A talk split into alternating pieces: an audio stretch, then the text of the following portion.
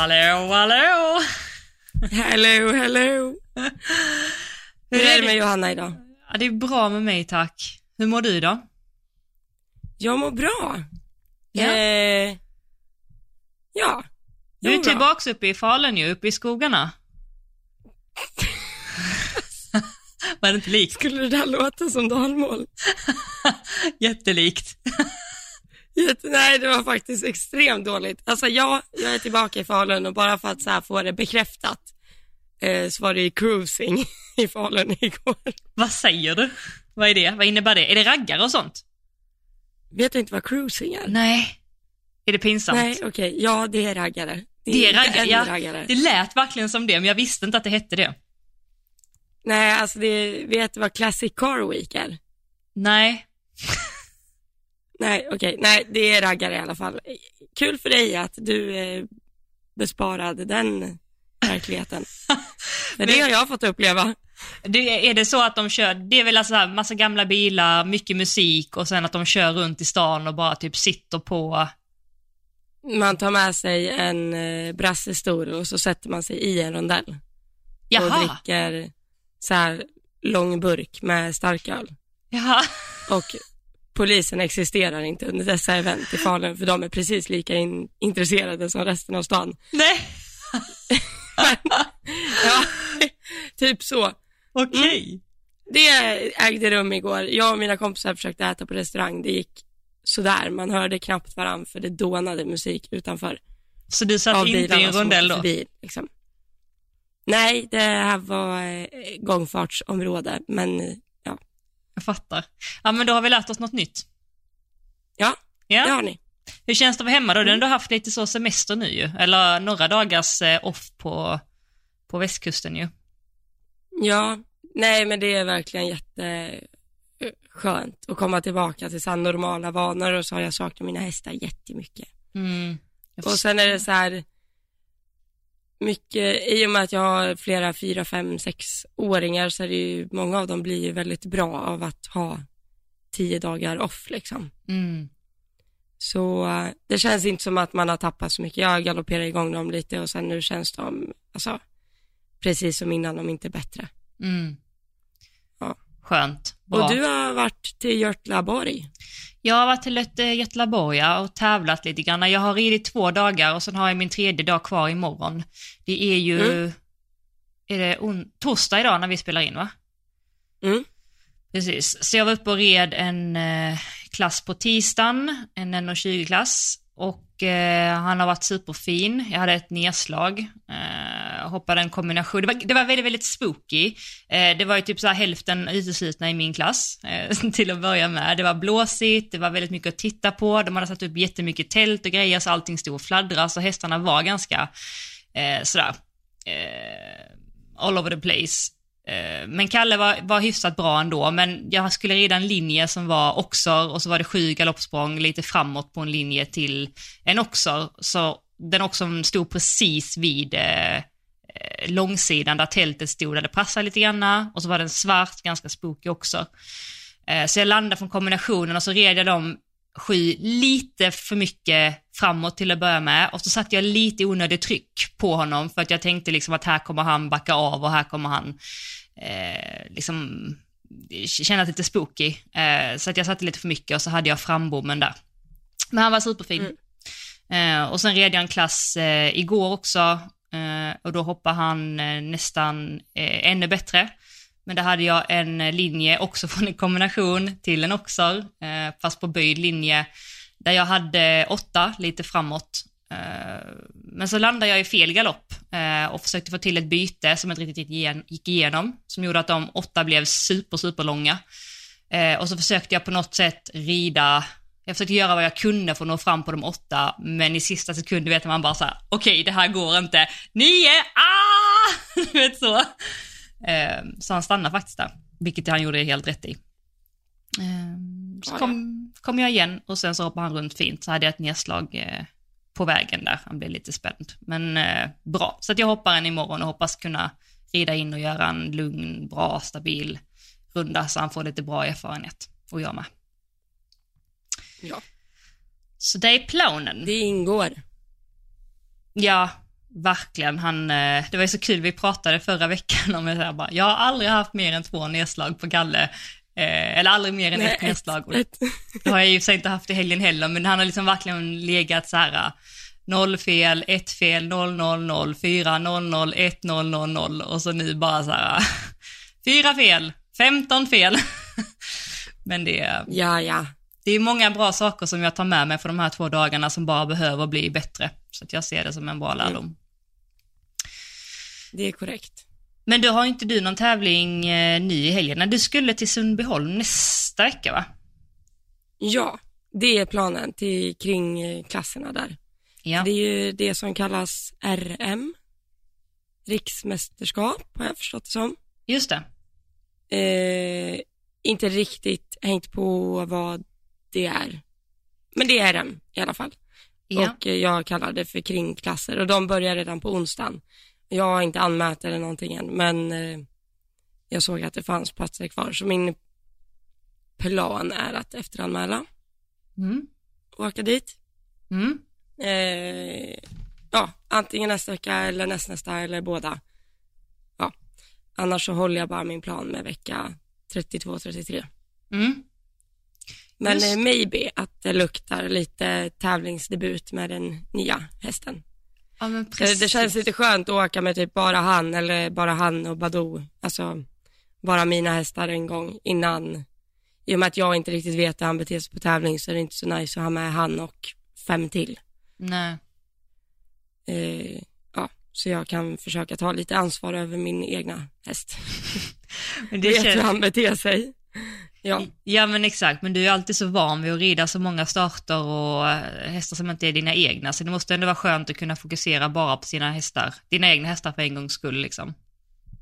jo men så är det ju också. Ja, sen vill jag ju lägga lika mycket fokus på alla, men det är klart det är speciellt att åka iväg med ens egna.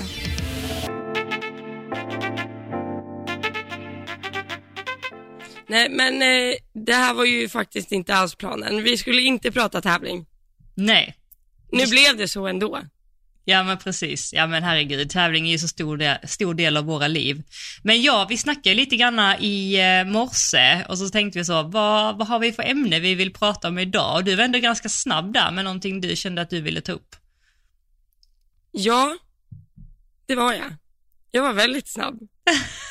Men det är för att, eh, eller jag tror det är lite för att, eh, eller jag la ju ut om att jag var så här tillbaka från semestern och sen eh, vips så dök det upp massa folk som ville träna, Ja. vilket var jättekul.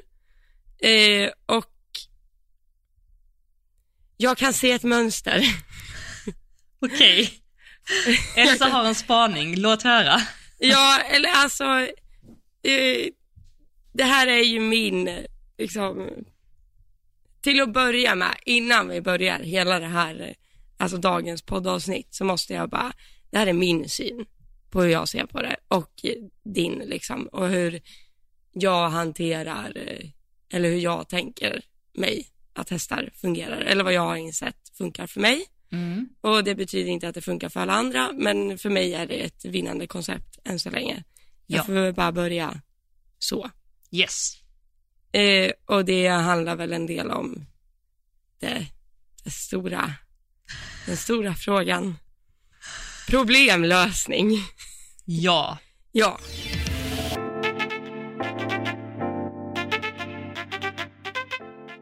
Okej Elsa, men problemlösning, det känns ju ändå som att du är typ lite känd för det också, för det är lite det du också pratar om på din eh, Instagram och många känner ändå dig som, som en person som tar dig an svåra hästar. Eller? mm. det har ju blivit så. Nu Mm. försöker jag ju att inte göra det. För att någon har sagt till mig typ så här, gör inte det, det är farligt och dumt. eh, och eh, man borde hålla på med hoppning istället om man vill vara hoppryttare. Och jag bara, ah den där står på bakbenen, det ser kul ut. Men, Också så att någon har sagt det till dig, inte så att du inser det själv, utan oj, det var någon som sa det. nej, för grejen är den att jag tycker ju inte det är hemskt, det är ju det, jag blir ju inte rädd. Och jag tycker ju inte det liksom, jag tycker ju inte, alltså jag tycker ju aldrig att en häst är dum. Alltså typ allt en häst gör är ju liksom ett inlärt beteende, den har ju förstått att det fungerar. Mm. Eh, och det är ju lite, det är typ det, jag kan inte landa i hela poängen efter 26 sekunder. Men, eh, som jag såg på klockan här nu. Men grejen är liksom den, om vi säger till exempel att så här, du lägger om skänken, hästen slår en svansvift och går inte framåt och sen tar du bort skänken. Mm. Då har du ju liksom, så fort du har lagt om skänken, inte fått det svaret du vill ha och tagit bort skänken igen, Mm. det är liksom så fort du släpper på trycket så är ju det typ som att säga till hästen, bra, nu gjorde du rätt. Mm. Då har du I min lärt... värld så, Mm. ja då har du ju lärt den att så här, ja det här svansviftet och att du inte går fram, Mm. det är rätt att svara på skänken så. Exakt. Och för mig är det, alltså helt ärligt, inte svårare än så att hästar svarar på allt sorts tryck. De vill liksom inte ha tryck. De vill inte ha tryck i handen, de vill inte ha tryck för skänken. De vill inte, alltså, tar du i handen, då tar du i handen tills du får den reaktionen du vill ha och då lättar du handen. Mm. Är det så att hästen bara drar eller drar upp huvudet eller så här, ja, du inte får det du vill ha och släpper tygen, då har du ju mer eller mindre belönat det beteendet. Mm. Du är med på hur jag Mm. menar? Ja, men, men så är det ju med, med allt igen, också utanför ridningen. Och det, om man tänker på ridningen, det är ju så som du säger som vi rider, vi lägger på skänken, vi sätter dit ett tryck, hästen svarar, vi tar bort. Eller hästen svarar inte, vi håller kvar trycket till den svarar, vi tar bort. Så är det ju precis också utanför ridningen, när en häst exempelvis, om du leder ut en häst från hagen och hästen drar ner sitt huvud och vill äta gräs, exempelvis, och du eh, liksom gör ett motstånd i grimskaftet och talar om för hästen, nej du får inte göra det, så kan du ju inte dra lite grann och sen låta hästen vara kvar, utan du drar ju till hästen tar upp sitt huvud och då lättas ju trycket. Så det är ju precis samma sak vad vi än håller på med. Och, och grejen är att gör man det konsekvent, nu tänker jag om den här hageincidenten, eh, gör man det konsekvent så lär sig hästen att när man går ut från hagen då får man inte dra ner huvudet och äta gräs exempelvis. Men om man hela tiden står där och rycker och inte får till det så lär man också hästen att jag kan stå här och rycka utan att den behöver göra något annat än att fortsätta äta gräs. Så att jag är helt med på vad du menar. Ja, men precis. Och, och där till exempel ett, eh, alltså just det här med att hästen ska svara för skänken får jag så, så mycket frågor om, både på, alltså både på Instagram och här på vår podd Instagram tror jag också. Mm. Att vi har fått liksom, hur får jag hästen att svara för skänken? Och det är ju helt ärligt inte svårare än så att lägger du an skänken, det vet jag att min, eh, det var min eh, fälttävlanstränare tror jag, när jag var liten, som skulle lära och så får våra ponnysar att springa framåt.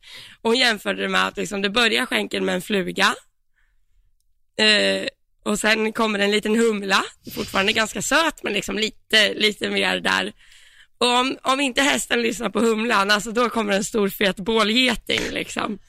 Eh, så det är så här att eh, det är liksom en trappa fram tills hästen har svarat. Till slut kommer den ju svara på flugan liksom. Mm. Eh, Men eh,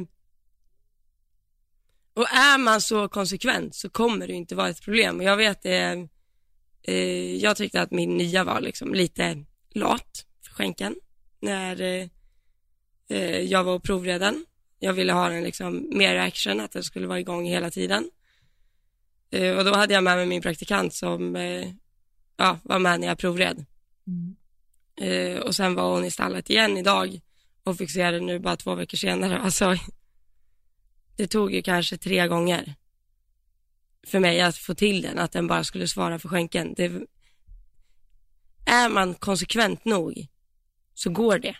Mm. Det är liksom egentligen bara där jag vill landa och det har ju, precis som du säger, det har ju att göra med allt. Allt ifrån lastträning till liksom ta in från hagen, stå still i duschbiltan, alltså vad det nu är. Mm. Så lär de sig. Det är lika enkelt att få en häst skänkeldöv som att få den att svara för skänken. Mm. Det är ju, man kan ju lära en häst typ vad som helst. Mm. Exakt. Och ja, Och du, det du säger är så himla viktigt, du nämnde det där att vara konsekvent i det man gör.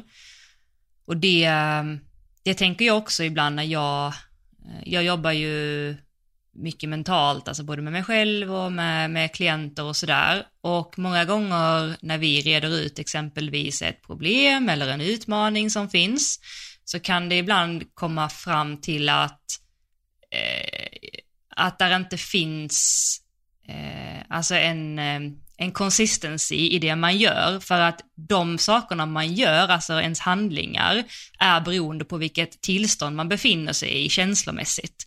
Så att om jag exempelvis är har haft en superbra dag, det har gått jättebra på provet i skolan, min pojkvän kom hem med rosor, eh, så här, någonting bra skedde, då är det lättare att se mellan fingrarna. När min häst exempelvis står och skrapar på uppställningen eller inte riktigt tar skänken, för att man, man, man ser liksom lite mer mellan fingrarna, medan man har haft en jättedålig dag, man kanske har PMS, eh, då räcker det att minsta lilla grej blir lite fel och så överreagerar man. Och, och det är ju egentligen bara så här mänskligt om man tänker på det, att det är klart att det är lättare att göra bra saker när man mår bra och sämre saker när man mår dåligt. Men jag försöker verkligen påminna mig själv där, som är väldigt känslostyrd, att verkligen försöka vara så här neutral med hästarna och alltid försöka göra samma sak oavsett hur jag mår. Så att jag alltid belönar den här typen eller någonting som min häst gör bra, eller alltid markera när min häst har ett oönskat beteende på samma sätt, oavsett. Jag vet inte om du liksom kan känna igen dig i det, eller alltså du, för du har ju också elever och så, om du kan märka det att, att ibland ligger det närmare till att bägaren rinner över, ibland är man lite mer, inom citationstecken, slapp. Eller förstår du hur jag Mm. menar? ja jag har ju hund. alltså, Ja. ja, det är ju typ så här, är man ute med hunden, när man är ute och går med ens kompisar, då finns det ju inte en regel i hela världen. Mm, Och det får man ju sota för, mm, liksom. mm, Eh, till exempel. Men för att man har sitt fokus på något annat. mm, Eh, och det är ju, och det har jag också tänkt på att liksom, tänk om jag skulle rida så bra som jag rider när jag rider för Linnea varje gång jag går ner till ridhuset. mm, Undrar vart jag hade varit då. mm, mm, så tänker man ju ganska många gånger. mm. Och, och det är ju det som är lite, alltså det är ju delen av att hålla på också tycker jag. Att eh, någonstans att eh, klarar man inte av att eh, hålla liksom motivationen och eh, hålla sig så som man inom situationstecken ska när man tränar eller gör i ordning eller vad man nu gör. Då kanske man inte får ha så höga mål som jag har eller vad man ska säga. Eller det är så någonstans så måste man ju klara av att göra det själv. Mm. Det är inte det att man inte ska ha en tränare som tjatar på en, men det ska ju inte vara hela motivationsbiten. Det där kan ju du bättre än mig. Mm. Alla, de flesta du jobbar med måste ju ha en tränare också. Mm. Absolut. Ehm, Hur rider man lika bra hemma som man gör för sin tränare? mm.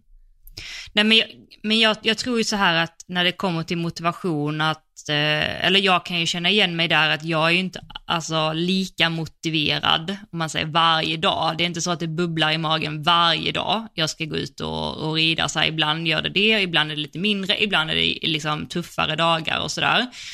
Mm, men det är det jag försökte, som jag menade innan, liksom att jag försöker sätta den regeln för mig själv att oavsett hur jag känner liksom mig rent känslomässigt, om jag är Mm. jättemotiverad eller omotiverad, så är det okej oavsett.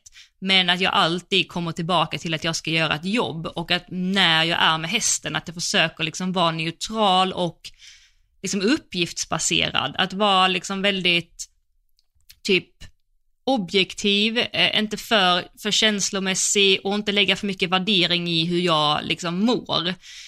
Heller, för jag vet att eh, ibland kan man känna sig lite, lite dålig, tror jag som ryttare, om man inte man känner sig motiverad. Men jag tänker också så här Mm. att det finns ingen människa i världen som kan vara supermotiverad varje dag. Och jag kan också ha dagar där jag känner att ah, fasen, idag är ingen superbra dag. Ja, det är bättre att hästarna bara får gå i hagen och så låter de gå i hagen. Och man måste nog vara lite schysst mot sig själv eh, där, tror jag. Alltså bara med det, när vi pratade om motivation, att men, men som du säger, det måste ju finnas en inre drivkraft till utveckling. Mm. Alltså inte på grund av att min tränare säger att jag måste göra det här, eller mina föräldrar säger det, eller eh, jag måste göra det för någon annans skull, utan det måste ju finnas en brinnande vilja hos sig själv. Att vilja utvecklas och, och vara nyfiken. Och jag tror att kan man gå in, alltså kan man nörda ner lite granna och vara nyfiken, så och lyhörd och försöka vara i nyhet när man rider sin häst, så tror jag att det är mycket lättare att behålla den gnistan och rida inom citationstecken lika bra hemma som för sin tränare, därför att man, man är närvarande. Inte att man försöker sätta för höga mål, att min häst måste kännas på ett visst sätt, eller jag måste göra en viss, alltså nå ett visst mål idag, utan mer bara så här, låt se hur min häst känns idag. Okej, den hänger lite i högertygen, den tar inte skänken. Okej, om jag testar att göra så här då? Okej, nu gick det. Eller om jag gör så här. Alltså att man, förstår du hur jag menar? Att man liksom är närvarande och att man är liksom sökande snarare än att, gud min häst kändes inte så här dålig igår, nu är det något fel och så blir man frustrerad, utan man är nyfiken. Mm. Typ lärande. Mm. Det funkar för mig i alla fall att rida lik, rider man inte alltid lika bra hemma som jag får träna, absolut inte, men det är en bra påminnelse, tycker jag. Ja, men samtidigt liksom, det jag har tänkt, för precis som dig så kommer jag också ut i stallet ibland och dagar och bara, ja, idag skulle jag hoppa den här hästen men oj vad jag är mycket mer taggad på att bara jogga ut i skogen eller Mm. Mm. alltså göra något, något helt annat. Då, då gör ju jag det. Mm. Mm. Och sen, alltså kanske inte om det är tävling två dagar senare eller något och jag, alltså, inte så att jag måste, men jag bara känner att det, idag är inte dagen. Eller om jag har hoppat en häst och så bara, gud vad håller jag på med idag? Då kanske jag inte vill hoppa två till. Mm. Eh, då kanske jag gör någonting annat med dem. För att jag vet att, eh, eller bara för att min känsla är så här att idag kommer jag inte göra det här så bra som jag vet att jag egentligen kan göra det, Mm. typ. Mm. Men, Mm. ja, jag vet inte riktigt vad jag ville landa i det, mer bara att eh, känner man att man själv inte kommer göra ett bra jobb dagen till ära, då ska man göra det man vet att man redan kan. Mm. Det är Det är jättebra. typ det, att, Typ. att eh, det är bättre att befästa något som fungerar än att försöka traggla med något nytt när, när man inte har en sån dag. nej, Mm. men, så här, nej men, ja, Men det är en jätteviktig alltså det sak du säger mer där. till hästen. Vad sa du? Nej, det är en jätteviktig sak du säger där.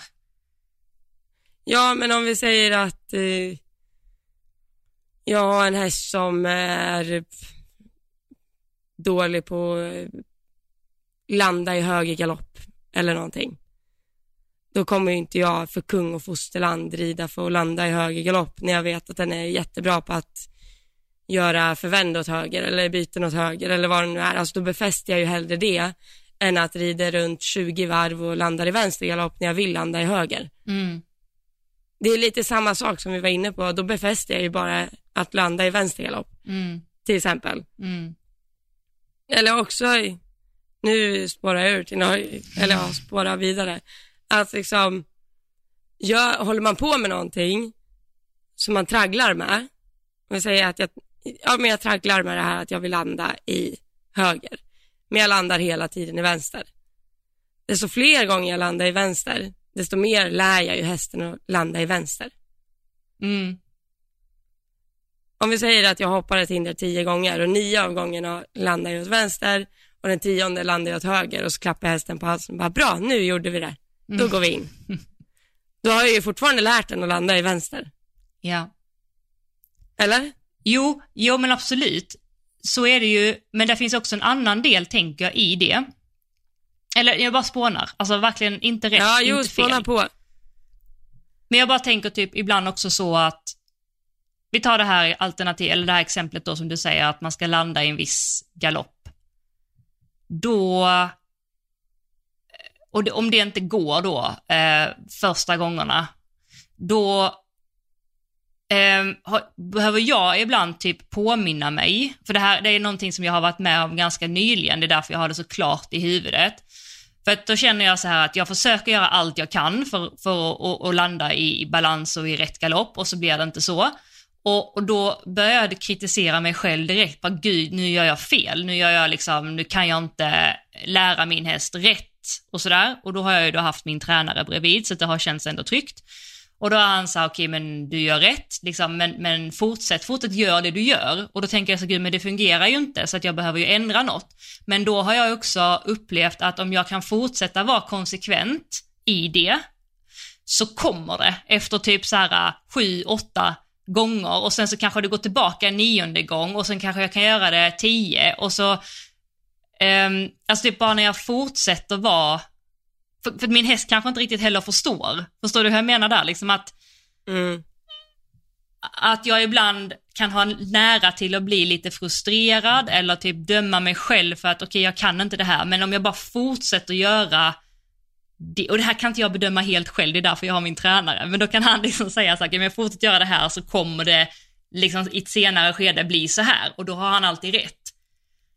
Mm. Men, men sen var vi lite inne på, du och jag pratade ju också om det här att, eh, jag tror det var innan podden, att om mm. man exempelvis aldrig får igenom någonting eh, och man, man har övat in ett beteende som är felaktigt, och så fortsätter man jobba på samma sätt som man alltid har gjort. Och så, och, och, så tänker man att bara jag gör det lite till, bara jag gör det lite till och så bara kanske man till och med blir lite frustrerad och man jobbar ännu hårdare och man, liksom, man är ambitiös som man vill. Då kommer ju det efter ett tag liksom, eh, eller om man har hållit på med det väldigt, väldigt länge så kommer det ju antagligen inte bli bättre om inte det har blivit bättre eh, eller kommer du ihåg, vi pratade om det? Att, ja, precis. Det finns ju en gyllene gräns liksom. Exakt. Och då kvittar det liksom hur hårt... man måste inse att, okej, okay, det här systemet fungerar inte. Exakt. Eh, men då är det ju så här, när, när når man det? Och då, alltså om vi tar ett exempel, det är inte, alltså det här tror jag ändå många har haft, det har jag också haft, liksom att man jag minns det förut, liksom att, ja men du vet, hästen sprang som en giraff med bakbenen eh, långt bakom sig, det gick inte att byta galopp, det gick inte att göra någonting, bara åka omkring och slog med svansen och gick inte ut i hörnen och du vet så här och man bara, ja men jag, jag tragglar på med det här, jag, jag fortsätter, jag fortsätter, jag fortsätter. På samma sätt som eh, du alltid har gjort? På samma sätt, mm. liksom så här. I ett år, säger ja. vi. Mm. Fortsätter vi springa som en giraff och liksom eh, ingenting fungerar. Det är inte så att, alltså att du har hållit på med det här i 365 dagar liksom. 365 dagar av, eh, för hästen, stress, spänning, liksom den förknippar ju när du kommer ner till ridhuset och hoppar upp att ja okej, idag ska jag springa med ryggen sänkt och mm. eh, kaos och spänt. Det är inte så att hästen kommer gå ner till ridhuset den 366 dagen och bara nej men nu har matte tragglat med det här så länge så idag tänkte jag vara avspänd och bara springa låg form och göra bitarna rent och utan alltså någonstans måste man ju ändå få ett litet smak av att systemet fungerar. Ja. ja och det är precis klart. som du säger, om det är så att det är inte konstigt att eh, om en häst har jättesvårt för att landa i ena galoppen säger vi, det är inte jättekonstigt att den kommer falla tillbaka till att landa fel och sådär, absolut, som du säger, att eh, sjunde gången funkar det åtta, nio inte, men tionde slår det in. Någonstans så kommer man ju ändå hitta dit. Mm. Men det är mer det här att det du gör med din häst tränar du hästen på att bli bra på. Mm. Det är mer det jag menar, att mm. är hästen stressad och spänd varenda gång du rider, då tränar du den till att vara stressad och spänd. Mm. Såklart.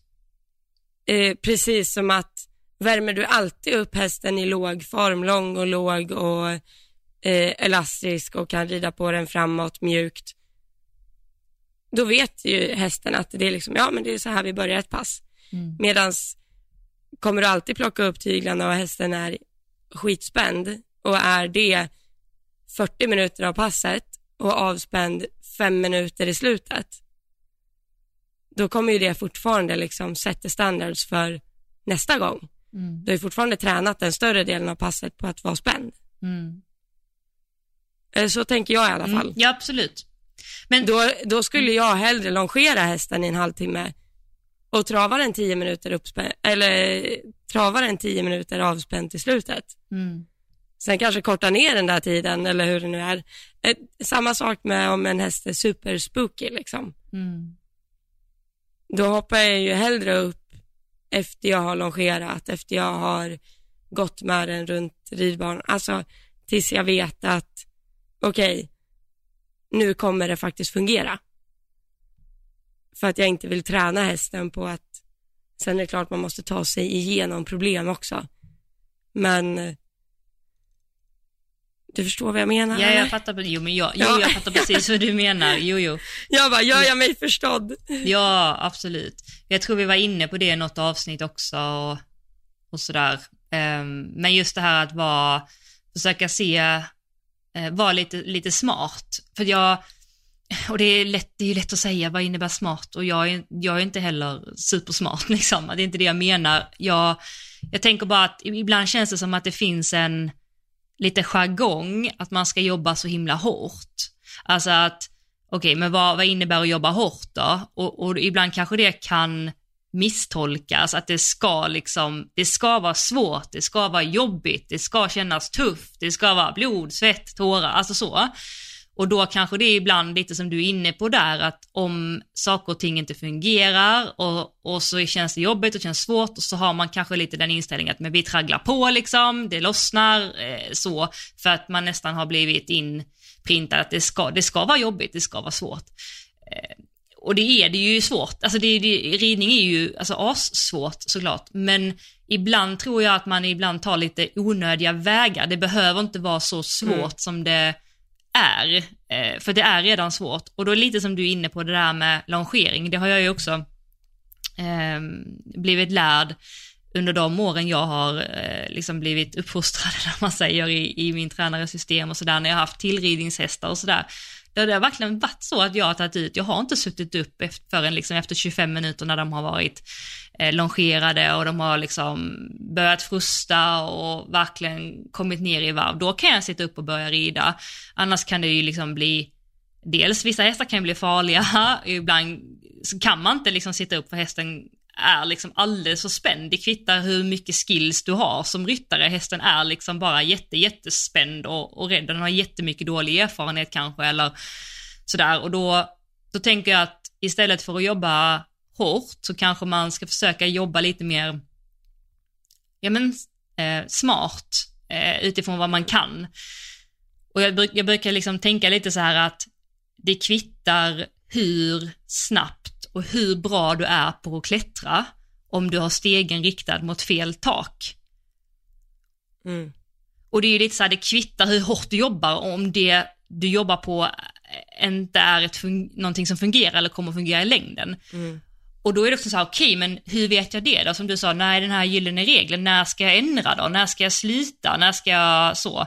Och alltså allvarligt talat, jag, jag vet faktiskt inte helt. Ehm, så, eh, alltså det finns ju ingen dag liksom, men det är som du säger att man känner ju lite när saker och ting börjar gå i rätt riktning och så fortsätter man och så ser man utvecklas det eller går man tillbaka och så kanske man får ändra något litet och så fortsätter man, men man behöver liksom vara eh, konsekvent och fortsätta göra saker och ting Mm.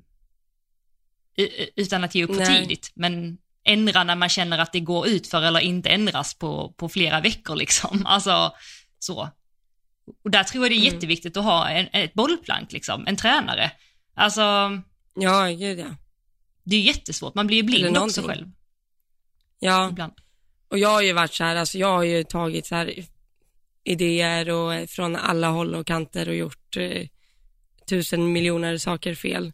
Men eh, det var så roligt det du nämnde nu innan, att, liksom att man behöver ju inte, alltså det är bättre att jobba smart än att jobba jättehårt. Mm, mm. Och blod, svett och tårar. Jag hade ju en sån häst som var, eh, det var blod, svett och tårar, mycket. Eh, och jag var ung, yngre än vad jag är nu. Och jag har alltid varit så här, tillbaka till problemlösning nu, alltid varit extremt bestämd på att mina hästar måste gå och rida ut. Mm. De ska gå, kunna gå ut själva, gå från gården, gå förbi soptunnor, alltså göra allt det där. Eh, så jag köpte den här fyraåringen då. Den var ju typ skogstokig och livsfarlig. Och jag trodde ju att eh, rida ut skulle vara lösningen på liksom alla problem.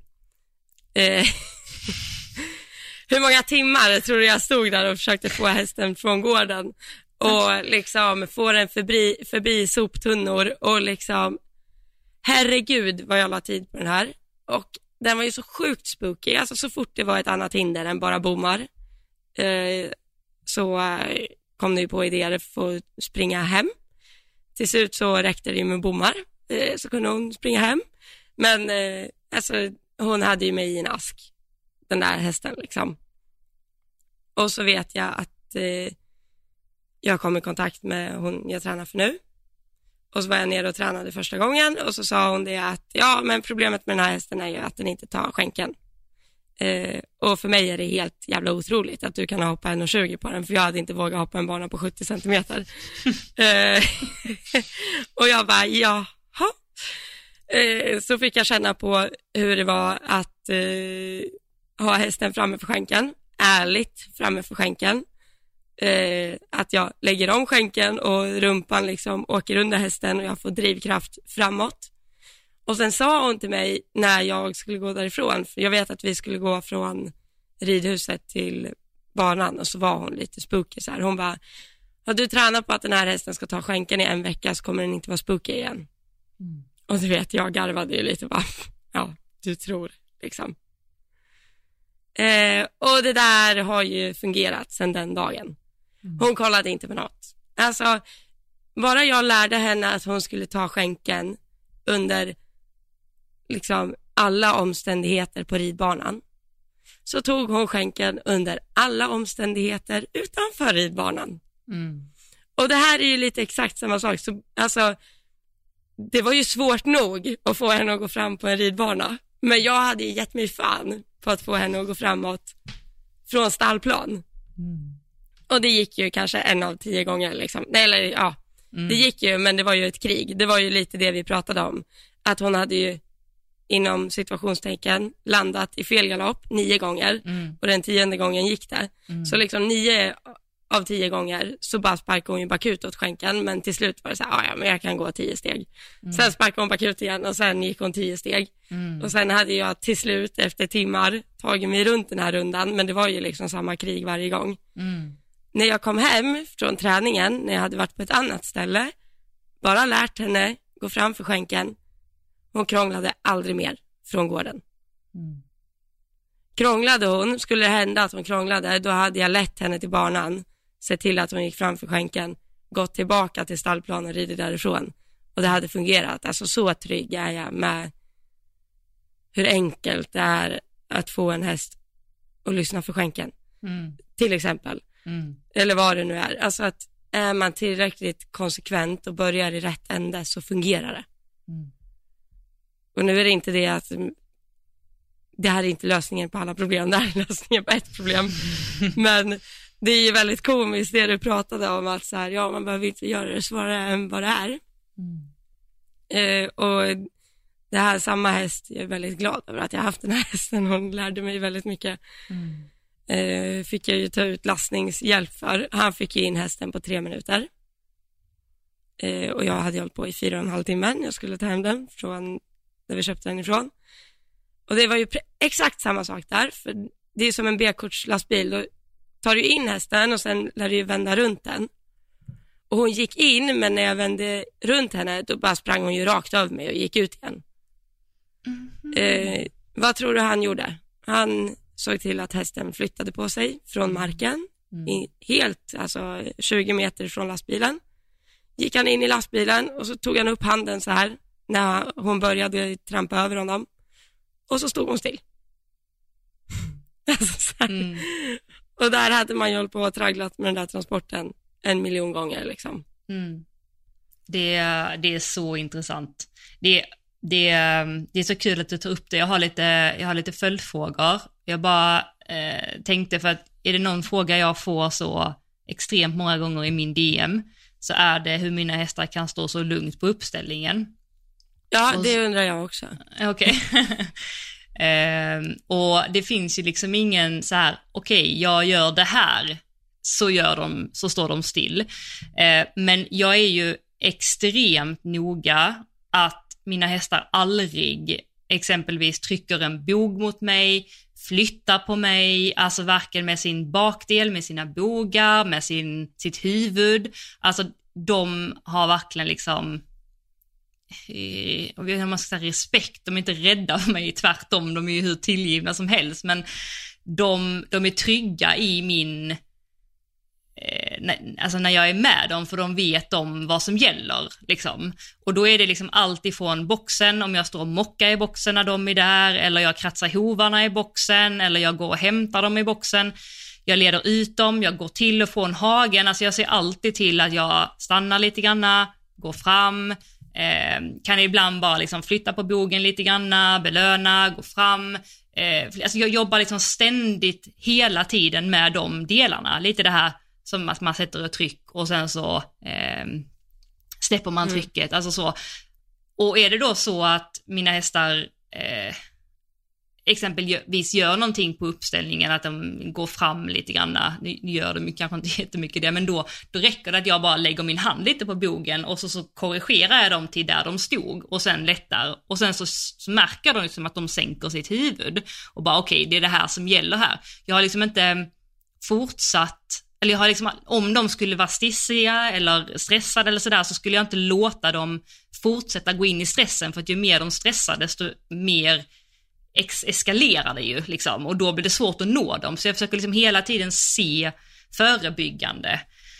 Um, så att just med uppställningen så är det liksom ingenting jag har gjort så på uppställningen utan det är bara en grej och jag ville koppla det lite, grejer jag alltid gör liksom att de hela tiden följer mig och att de är trygga runt mig och att jag alltid är konsekvent i, i hanteringen. Men lite kopplat till det du sa där när eh, eh, när din häst där hade liksom lärt sig att gå fram för skänken på banan så var det inget problem i skogen sen för att den visste att den gör alltid så här. Eller när den lastade, du lastade den exempelvis, när han kom och mm. flyttade på den. Så, och jag tror att det är samma sak där, det kvittar ju var du gör det. Har hästen lärt sig det så kvittar det om du är i ridhuset eller om du är i lastbilen, ska lasta eller du är i skogen. Um, mm.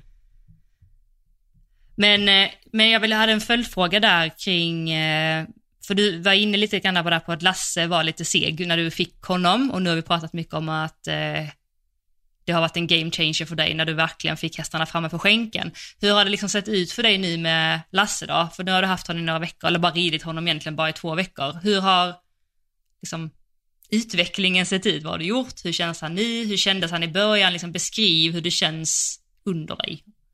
Om du kan. Mm. Jag bara, ja. Eller bara berätta liksom, mm. bara, alltså jag tänker bara som ett exempel så att det blir lätt för lyssnarna också typ att sätta sig in i, hur kändes det när du satt upp på honom första gången? Börja där. Ja, alltså han var jättefint välriden och mjuk och liksom elastisk och eh, alltså hans eh, gamla ägare och uppfödare har gjort ett jätte, alltså fint jobb med honom, mm. verkligen.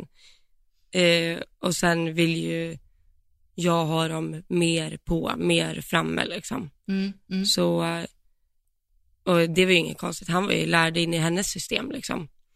Men det, det jag märkte när jag liksom började sätta igång och trava honom, så tyckte jag inte att han travade på så mycket som jag ville att han travade på. Så när jag la om skänken, då fattade han galopp liksom, varje mm. gång. Och jag ville ha en större trav. Och jag är egentligen inte jätteberoende av att hästen är så här att jag lägger om skänken och så ska den hoppa iväg. Det är inte det. Utan jag vill bara ha ett så här jämnt dragläge hela tiden. Och man kan typ säga att han var väldigt väldriden för hjälperna. Alltså lägger jag en skänkel från trav, då blir det galopp. Mm. Och eh, tar jag i tygen, då blir det trav igen. Liksom. Mm. Och jag mm. vill mer ha det, det vet jag att du och jag har pratat om förut också, så här, jag vill typ ha det tight, eller vad man säger. Alltså jag vill Mm. kunna hålla tygen sträckt, jag vill kunna hålla benen om. Och jag vill liksom kunna ha hjälperna där lite konstant. Men inte mycket, bara li lite liksom. Mm. Jag vill inte lägga om skänken och sen ta bort den helt, utan jag vill bara ha den om. Eh, Och då när jag gör det så vill jag liksom att hästen ska tugga på av sig själv. Alltså motorn ska vara igång, precis som dragläget på en bil. Nu kanske inte alla kör bil som lyssnar. Nej, men du vill Men, typ eh, känna att bakbenen är i din hand, lite granna. Exakt, Alltså, exakt. Att när jag lägger fram handen, då vill jag inte att det blir glapp i tygen. Nej. Utan lägger jag fram handen, då vill jag bara att hästen suger i liksom framåt. Mm. Eh, och tar jag handen in till mig, då vill jag liksom kunna lägga om ben och så vill jag att det kommer energi. Mm. Eh, och där blev ju han väldigt så här, när jag fick hem honom, då blev han ju typ trängd kan man säga, för han tyckte ju att jag gjorde halt och galoppfattning på typ samma gång. Eh, när jag ville ha större trav. Mm. Och det där är ganska intressant, för när jag vill ha en stor trav, jag brukar jämföra med att många gånger när jag vill ha en, en liksom trav med mer svung, med längre steg, så tycker jag att många hästar ofta slår över till galopp. Och Mm. För att det är enklare att galoppera i en kort galopp än att trava på i en svungig trav. Och det brukar jag jämföra med att det typ är enklare för hästen, eller jag vill intala mig det i alla fall. Det kanske inte är så, men jag intalar mig det. Att det är enklare för hästen att springa hoppsa-steg än att gå djupa utfallssteg. Mm. Är du med på hur Fattar. jag tänker? Ja. Eh, och jag vill ju ha han till att ta de här långa utfallsstegen med bakbenen, men då vill han hellre bara så här skutta runt på, på bakbenen, alltså inte på bakbenen som att stå på bakbenen, men skutta runt med bakbenen i takt än ett i taget. Mm. Eh, så det är mer det att jag liksom försöker skapa ett dragläge. Mm. Och det handlar inte om att han måste vara jättekvick för skänken, för det är det många hästar som är. Alltså jättekvicka för skänken när tygen är helt slapp. Mm. Men det tycker inte jag är att liksom ha hästen framme. Mm. För då direkt när jag tar, alltså om jag plockar upp tygen, lägger om skänken, då vill jag ju att hästen går fram till handen och bara rör sig igenom handen kan man säga. Ja. Jag vill ju inte att hästen bara ska lyssna på skänken när jag släpper handen. Nej. Eh, och det var lite där det gick i lås för mig, för då tog jag han det som en galoppfattning och så kom han i en perfekt samlad galopp. Men jag vill ju ha mer trav, alltså jag vill ha mer tryck liksom Mm. innan det blev galopp. Så det är väl det vi har hållit på med och då har jag bara kortat upp till den tygellängden jag vill ha, håller en stilla hand och så lägger jag han skänken och då kom, han har ju liksom gått emot handen, tyckte det var skitjobbigt och sen har han bara kommit igenom det liksom. Och då sitter det där och sen gäller det ju att göra om hur många gånger som helst och så, till slut blir den här sträckan där han går emot handen mindre, mindre, mindre tills den inte existerar längre liksom Mm. tills han bara är där.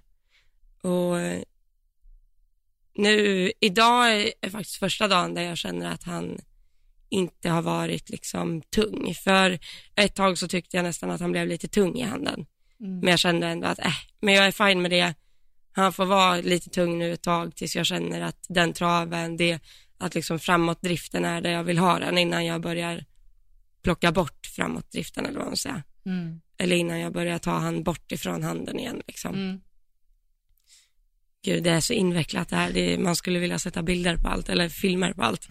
Nej men det är väl förklarat. Men det tycker jag, ehm, det du säger där är jätteintressant. För att när man vill åstadkomma, alltså man, alla vill väl någonstans åstadkomma, alltså man vill ju det i slutändan, åstadkomma allt. Liksom. Man vill att hästen ska eh, trava på ärligt framåt, man vill att den ska ha svung, man vill att den ska ha bärighet, man vill att den ska vara lösgjord, man vill att den ska ta- vara i takt, alltså man vill ju liksom ha allt såklart. Ehm, men man behöver ju bryta ner det. Lite som du sa där, okej, då börjar du med att ha hästen framme för skänken.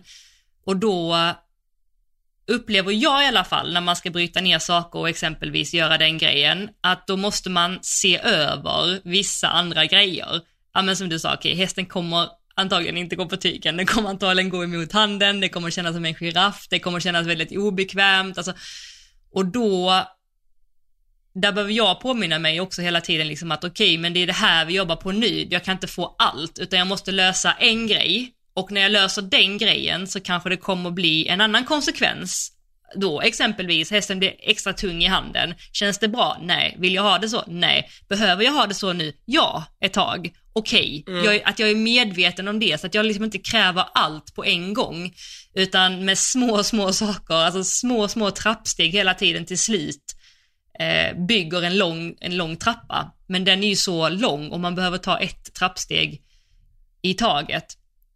Och det, det kan jag tycka liksom är också svårt ibland, att, att hålla isär saker och ting. Att när jag gör någonting så känns en sak bra, men då blir en annan sak sämre. Och då behöver jag liksom ibland ha lite överseende för det, för jag vet att jag behöver, behöver det just nu och sen kan jag börja jobba med, med resten. Så.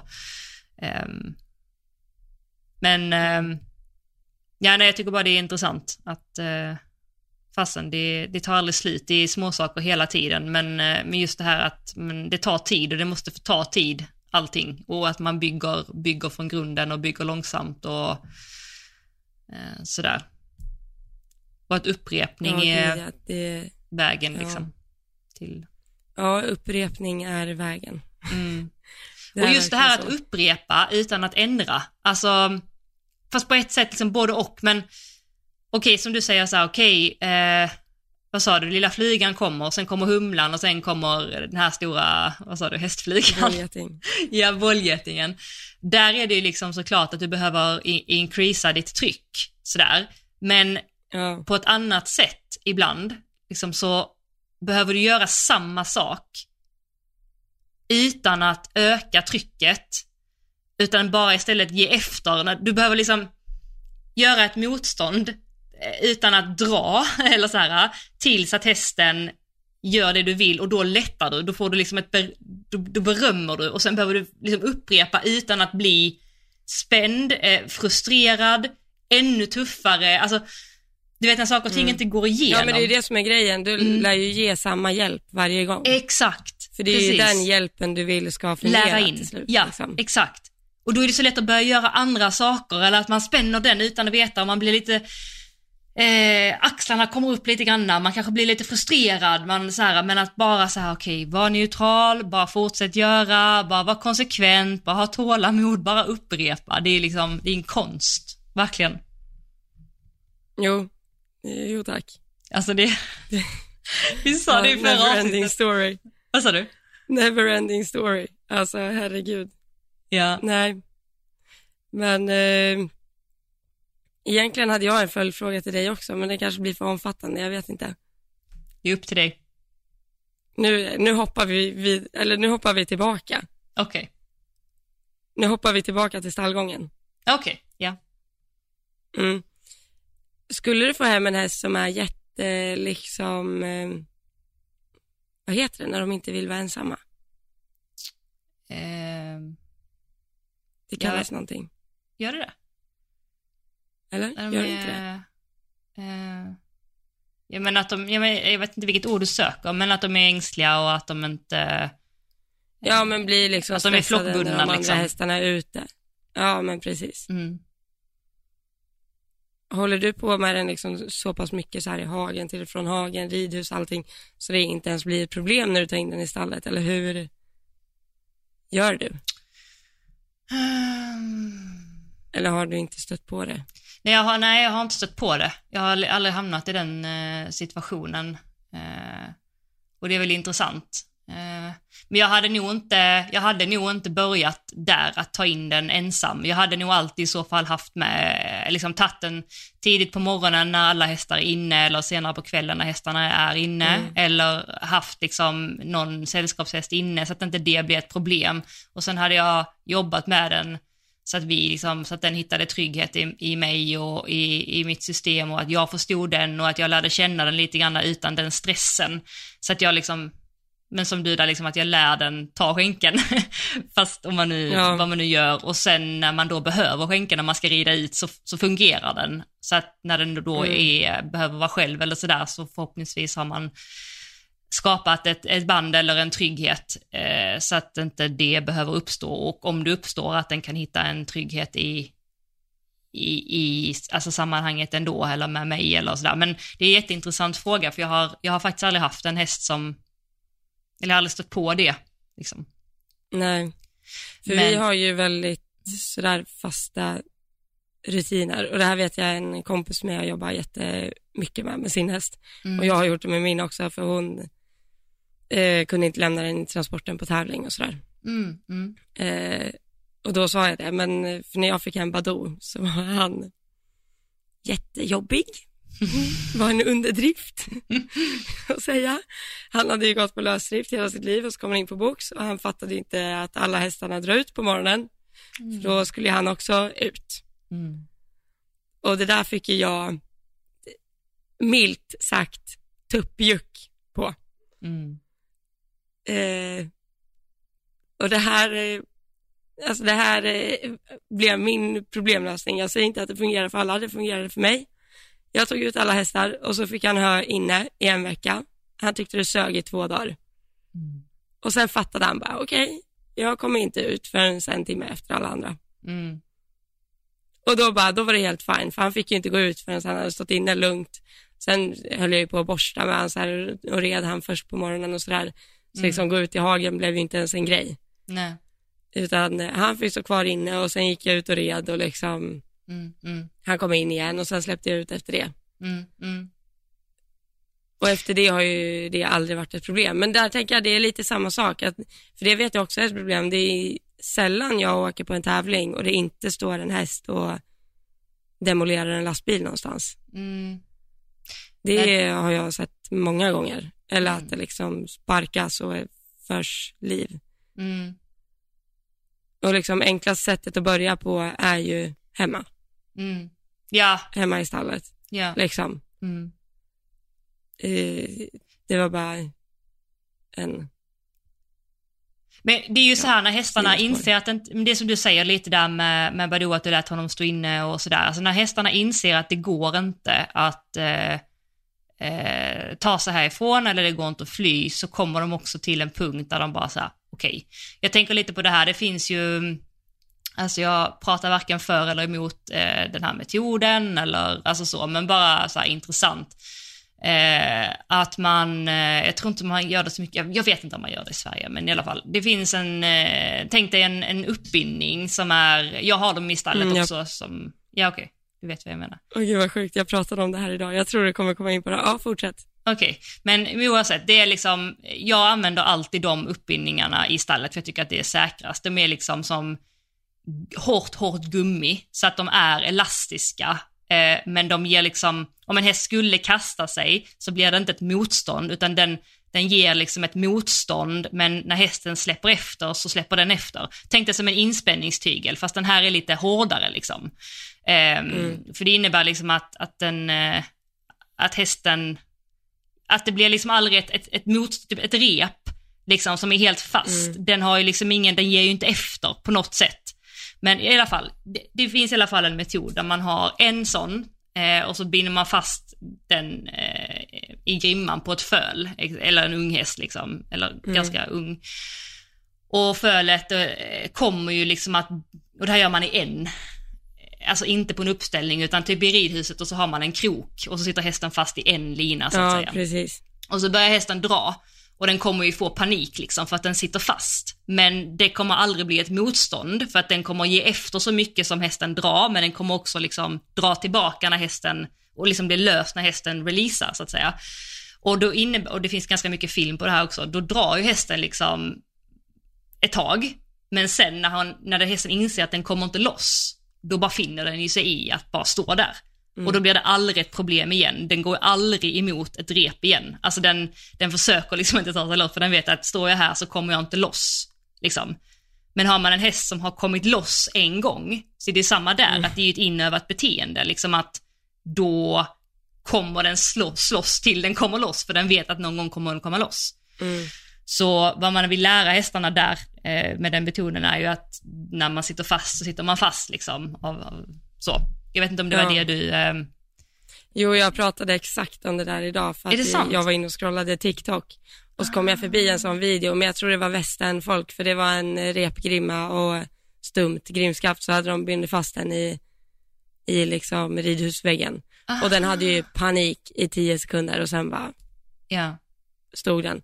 Det kändes ju lite hemskare med repgrimma och Ja, alltså det, och det ser väldigt brut brutalt ut liksom. Ja, det gör det verkligen. Men där kan man ju dra samma sidospår till typ lastträningen. Ja. För eh, många får ju in sin häst, eh, nu pratar jag transport, får in sin häst, håller emot och så går den ju ut igen. För de har ju, alltså, har ju inte befäst det här att när jag håller i grimman, då vill jag inte att du går någonstans. Nej, liksom. exakt. För de har ju insett att de har ju kommit ut så många gånger liksom. Ja. Eh, när de bara drar bakåt, för man har ju inte en chans mot en häst liksom. Mm. Eh, det, det, där finns det ju proffs på, eh, I'm not the one. Och jag eh, går faktiskt aldrig in med hästen i en transport. Det finns också metoder för, bara står utanför med huvudet in i luckan. Ja, Va? det är Nu hängde en inte jag annan med. historia. Nej, jag... Nej men jag, alltid, jag hade transport förut och då vill jag alltid kunna lasta själv. Ah! Så jag bara föser in den. Alltså jag går inte in i transporten. Nej, okej. Ja, ja, ja. Så Okej. jag kommer aldrig till problemet där jag måste liksom dra i hästen. Nej, jag förstår. Nej. Ja, Men där är ju en Men, sån eh, grej också, typ med just det här med, alltså det är ju en sån grej som jag är så noga med, alltså i hantering och i allt. Exempelvis i boxen. Om jag kommer in, jag eh, eh, tar på grimman och så kratsar jag hovarna, jag är alltid innan jag går ut. Och sen ska jag ta, eh, knäppa fast eh, och sen börja gå. Om jag skulle känna där liksom, att hästen går emot, eller liksom inte vill, då ser jag ju till så att den att, att jag, jag behåller samma tryck framåt tills den tar ett steg framåt och då släpper, släpper jag efter. Jag skulle liksom aldrig lo- lära den att, att om jag drar så kan den dra emot och att den vinner om man säger. Det handlar inte om att vinna ja eller nej, förlora. men men, jag är helt med dig. ja. Och det genomsyrar ju allt. Det är ju samma sak när en häst, eh, ja men om man kommer loss exempelvis, om en häst har lärt sig komma loss på en uppställning, det måste ju också någonstans ha att göra med när man rider, att, man allt, att en häst som alltid slår sig fri från bettet eller alltid liksom drar sig fri från handen, att den har lärt sig att jag går emot trycket och kommer, kommer alltså förstår du vad jag menar? Nu låter det brutalt, Ja, ja. att man ska ja, 100 procent. dra i Det här hästarna. är ju hela, det här är ju hela summan av kardemumman. Ja, Alltså, hästar svarar på tryck. Om Ja. du lägger an tryck och eh, du får ett svar, det spelar ingen roll om det är svaret du önskar eller ej, och du släpper trycket, Mm. då har du ju belönat det. ja. Exakt. Det är precis exakt samma sak med skänken eller när den är i uppbindningen eller när du lastar eller vad det nu är, när du är ute och går med den. Mm. Precis som du säger, du är ju inte ute och går med din häst som du är med en hund i sele liksom. Att här, spring och kissa vart du vill liksom. Nej. Det är inte så att du vill hänga efter den och dras med, utan dra den, då håller du i tills den får, kommer till dig igen liksom. Ja men exakt. Och det, ja, Det kan ju bli så farligt också om, för att det är ju också mycket så här att ibland känns det som att vi, alltså vi humaniserar hästarna eller liksom tänker på dem lite ibland som hundar ibland och så där. Men grejen är bara att det får inte gå för mycket ut för heller att man, nej, att det blir för mycket put, nu låter kanske jag jätte, inte, alltså puttinuttigt, det måste liksom också finnas, alltså hästarna mår ju bra, upplever jag av när det finns gränser, det finns tydliga ramar, det är alltid på ett sätt, alltså de, de lägger liksom ingen värdering i, oj, hon drog mig, eh, hon gav ett tryck nu, vad dum hon är, alltså, utan mer bara så här, okej, Nej. trycket, eh, eftergiv, okej, jag gjorde rätt, bra, eller att vi gör alltid på det här sättet, vi har alltid de här rutinerna, alltså de, de är ju trygga i det. Och att om jag alltid ger hästen en tillsägelse när den gör en viss grej, så är det inte så att hästen tänker så här, oj vad dum min mamma är som säger till mig när jag bits. Alltså utan det är mer bara så här att, för det hade jag en häst som eh, bet eh, på uppställningen och sådär, högg liksom efter en. Det är också en sån grej, där skulle jag aldrig slå till en häst i huvudet. Alltså så, om den biter, utan det jag gör då är ju i så fall att markera typ i magen.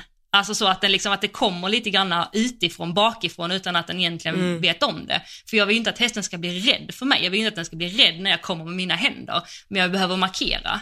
Och om jag alltid markerar och visar att det här är inte okej, då respekterar hästen mig. Alltså då, då blir det lugnt, då blir det tryggt.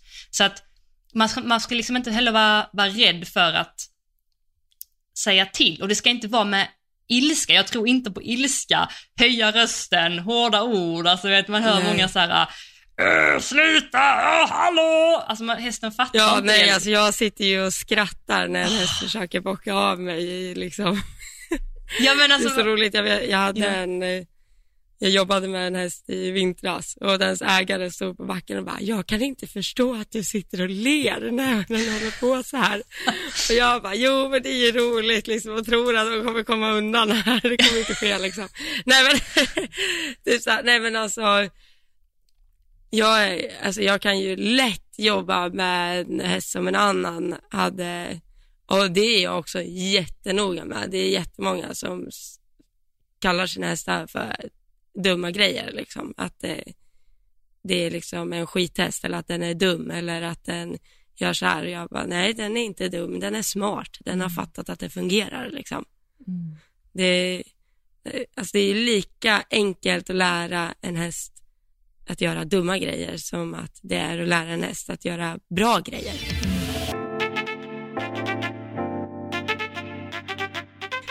Nej, alltså Johanna, jag ser att tiden har runnit iväg som vanligt.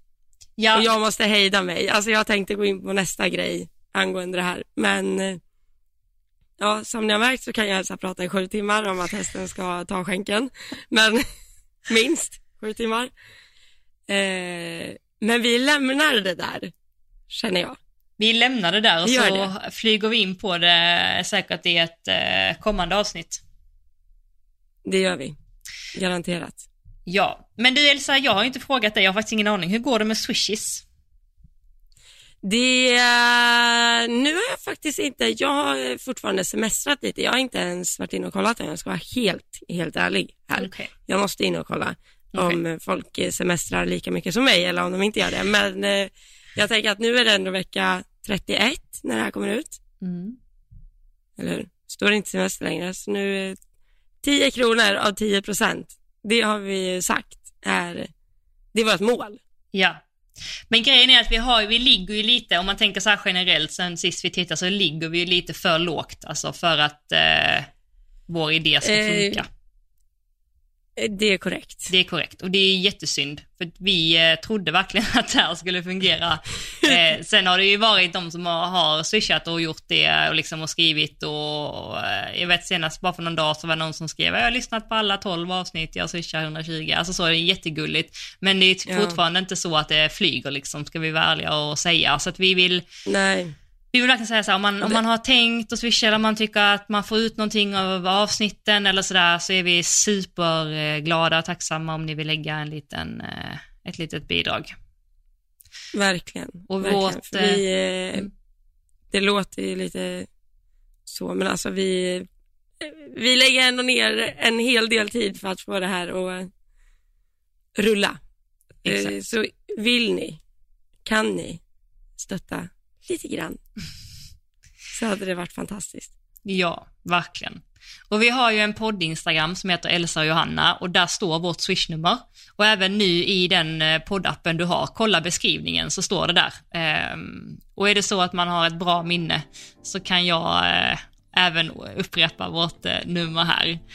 Och då har vi ett swishnummer som är 1232 981 231. Fantastic. Fantastic. Ja men super. Fasen vad kul. Gött att snacka igen. Vi hörs ju nästa vecka Elsa. Det gör vi. We call it a day. Vi call it a day. Puss och kram. Puss och kram. Hej hej! Tack.